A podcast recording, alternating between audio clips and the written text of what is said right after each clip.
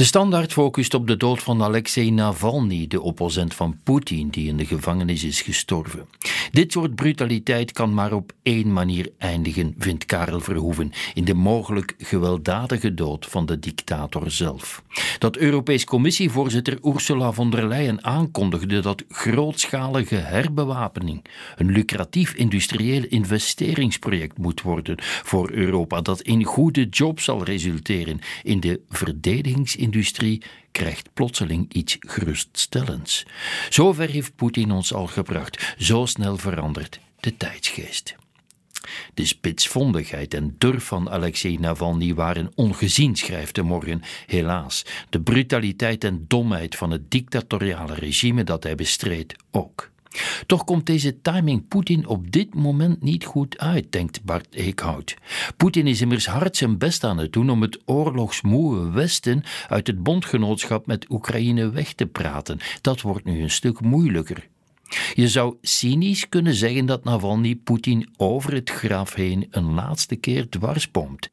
Zijn dood herinnert iedereen er immers weer aan hoe bedreigend Poetins autoritarisme wel is voor de vrede, de vrijheid en de welvaart, niet alleen in Rusland en Oekraïne, maar ook elders in Europa.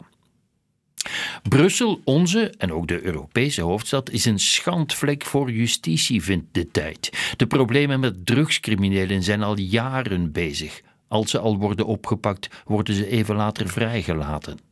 De strijd voor een betere justitie moet dringend een politieke topprioriteit worden. No-go-zones in een hoofdstad of criminelen de vrije baan geven zijn een democratie onwaardig. Georganiseerde straffeloosheid is een slag in het gezicht van alle burgers.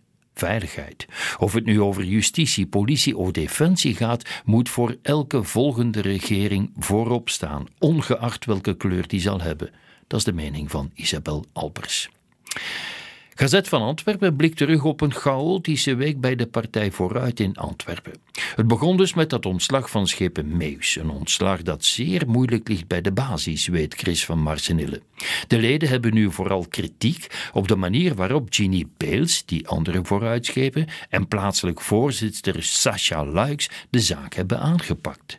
Er blijven vragen onbeantwoord, zoals deze als NVA-schepen Nabila Aydawood een e-mail heeft gestuurd naar het vooruitbestuur, waarom mocht Tom Meus die dan zelf niet inkijken toen hij door Beels en Luiks op de vingers werd getikt?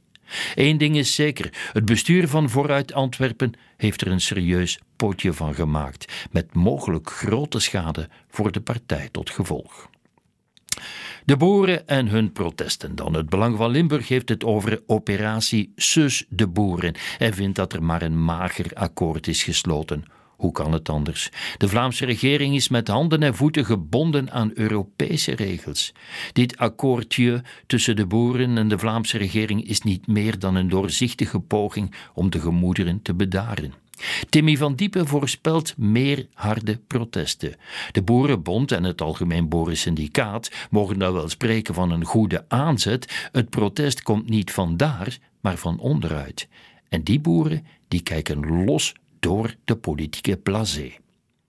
Die overeenkomst tussen de boerenorganisaties en de Vlaamse regering is een akkoord van stilstand, oordeelt het nieuwsblad. Eigenlijk hebben de natuurverenigingen gelijk als ze zeggen dat het belang van de natuur opnieuw ondergeschikt is aan de landbouw. De belangen van de agro-industrie en dus de boerenbond vrijwaren. Daar draait het zogenaamde compromis om. Het valt trouwens nog af te wachten of de grote belangenorganisaties met dit akkoord hun greep op de boeren weer kunnen verstevigen. Hoe dan ook, dit is een akkoord zonder toekomstvisie. Eigenlijk is het achteruitgang. En met dit oordeel van Peter Meilemans zit het overzicht van de krantencommentaren erop van zaterdag 17 februari.